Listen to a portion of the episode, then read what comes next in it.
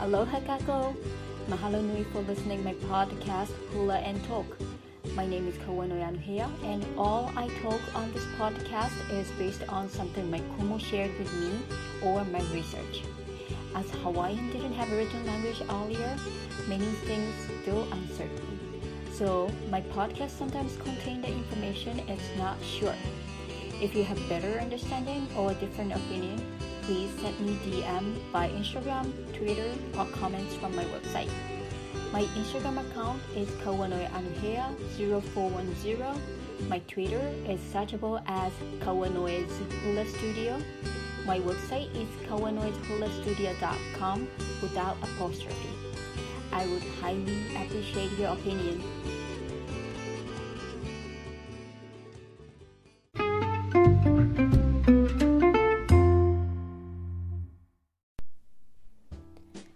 Last episode, I talked about how he became strong warrior also with the story of Captain Cook. Today, I will talk about how Kamehameha started to conquer all islands.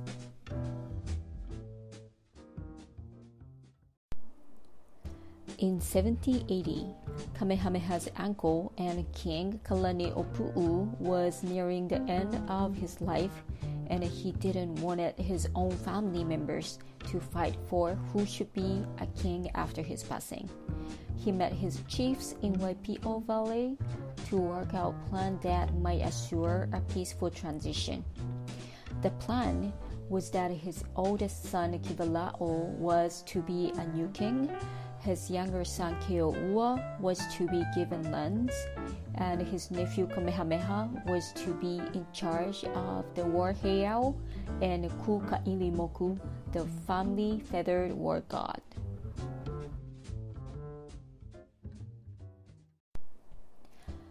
In 1782, the king Kalani'opu'u died in Ka'u his son Kivala'o as now the ruler of the island of Hawaii. Kivala'o divided up the land and this caused the trouble. The Kona Ali'i were angry about the land division because of the treatment they were getting at the hands of Kivala'o. They turned to Kamehameha for help and he agreed to become their leader. The Kona Ali'i were Keaweaheulu, uncle and counselor to Kamehameha. Keeaumoku, the father of Ka'ahumanu, who is going to be the Kamehameha's wife later. Kamanaba and Kame'eyamoku, uncles of Kamehameha and twin brothers who are pictures on Hawaii's coat of arms. Keku Haupi'o, the great warrior and teacher of Kamehameha. And Kala'imamahu, Kabelo Kalani, and Keali'i Maikai. Those are Kamehameha's three brothers. These ali'i remained loyal to Kamehameha as long as they lived.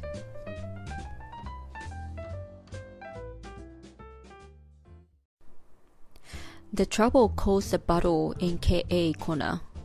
It was called the Battle of Moku Ohai. Kamehameha led his army in the battle against Kivala'o and Kivala'o was killed there. He was wearing a feather cloak, a hu'ula, and as the victor, Kamehameha claimed that a cape, which is now in the Bishop Museum.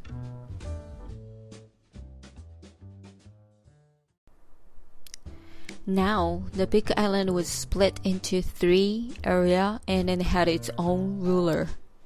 Number one, Kamehameha, ruler of Kona, Kohala, and northern Hamakua. Number two, Keo'ua, ruler of Ka'u and Puerto Puna. Number three, Keawemauhili, ruler of Hilo and Puerto Puna and Hamakua. For the next nine years, Kamehameha tries to conquer the rest of Big Island but failed.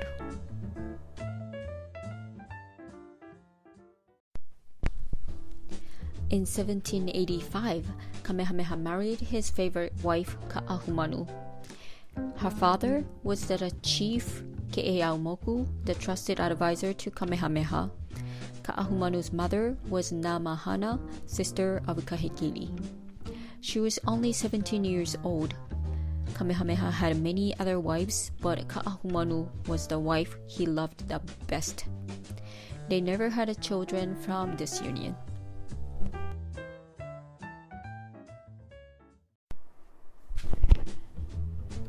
Now, I would like to talk about the two key persons who served for Kamehameha. They were Isaac Davis and John Young, who were two Englishmen whose lives were spared during a conflict between Kamehameha's troops and the English ship. They were given the choice between instant death at the hands of Kamehameha's soldiers or a life of loyalty and service to Kamehameha. They chose life and service to Kamehameha. They were wise, honest, loyal, and familiar with the acquisition and use of firearms. They become very important person among Kamehameha's most trusted advisors. Kamehameha gave each of them chiefly wives and lands. They become great chiefs and are buried at Mauna Ala, which Hawaiian royal members bury.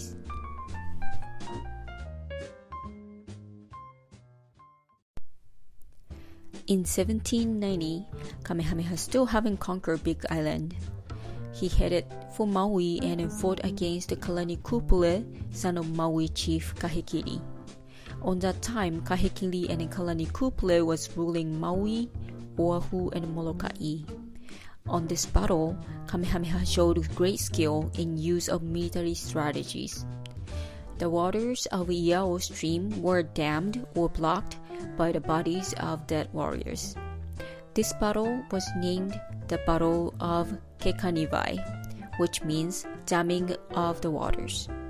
Kamehameha won this battle, but Kalanikupule escaped to Oahu.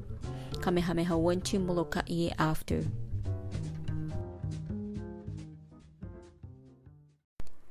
Kamehameha wanted to know what he can do to conquer all the islands. From Molokai, he sent a messenger to Kapoukahi, who was a Kauai kahuna. Kapoukahi said Kamehameha have to build a great heiau for his war god Kukailimoku, which he inherited from Kalani'opu'u.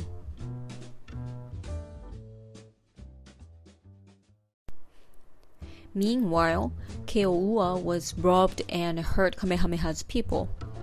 Kamehameha heard about that and came hurry back to Big Island to protect his people. Two battles were fought against Keoua in Hamakua. Neither side won.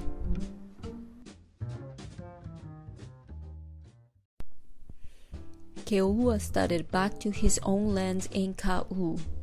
To get there, he had to pass Kilauea volcano.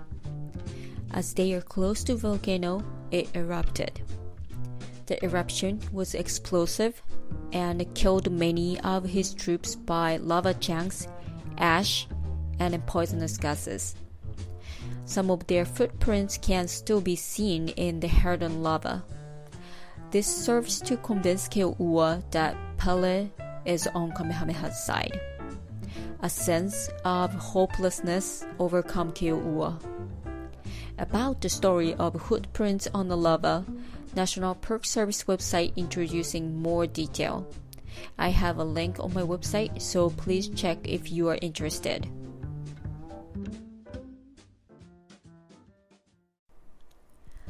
In 1791, Pu'ukohola Heiau was finally built and he invited Keoua to talk with him about peace.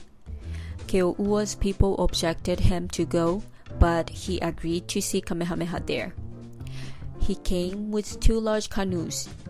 On his other canoe, there was Kaoleioku, who was Kamehameha's son. Kaoleioku's mother was Kanekapolei, who was the mother of Keoua. Keoua stepped ashore, and as he did, he was killed by a spear hauled by Keeaumoku. All the high-ranking alii on the Keoua's canoe were killed, but the one who was on the Kaoleioku's canoe was saved.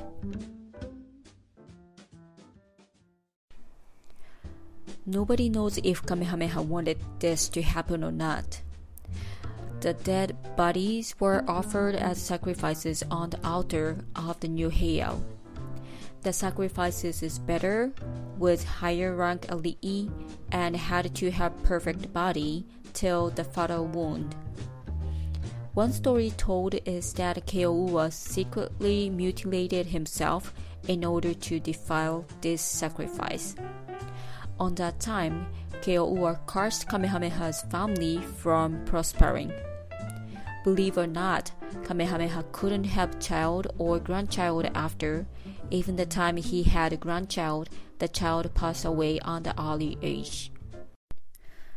Another uh, Big Island king, Keawemauhili, was with Kivalao on the Battle of Moku Ohai.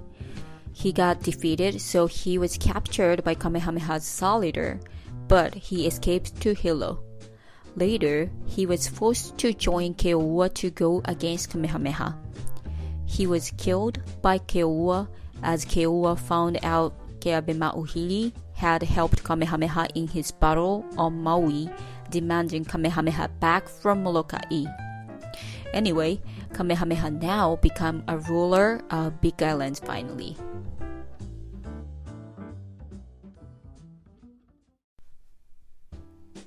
In 1794, Kahekili, the ruler of Maui and Oahu, died. Kamehameha thought now it is a time to fight for the other islands. In 1795, Kamehameha attacked Maui with 1,600 men with 960 canoes and 20 foreign ships. The knowledge of Davis and Young for cannon, guns, bucked up his fight a lot, and Kamehameha finally conquered Maui and Molokai and Lanai. I'll talk about Kamehameha's last battle of Oahu and how to conquer Kauai with the next episode.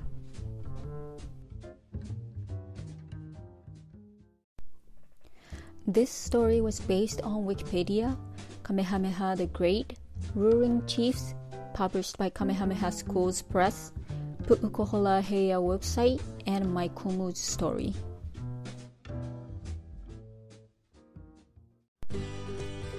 Mahalo nui for listening my podcast Hula and Talk.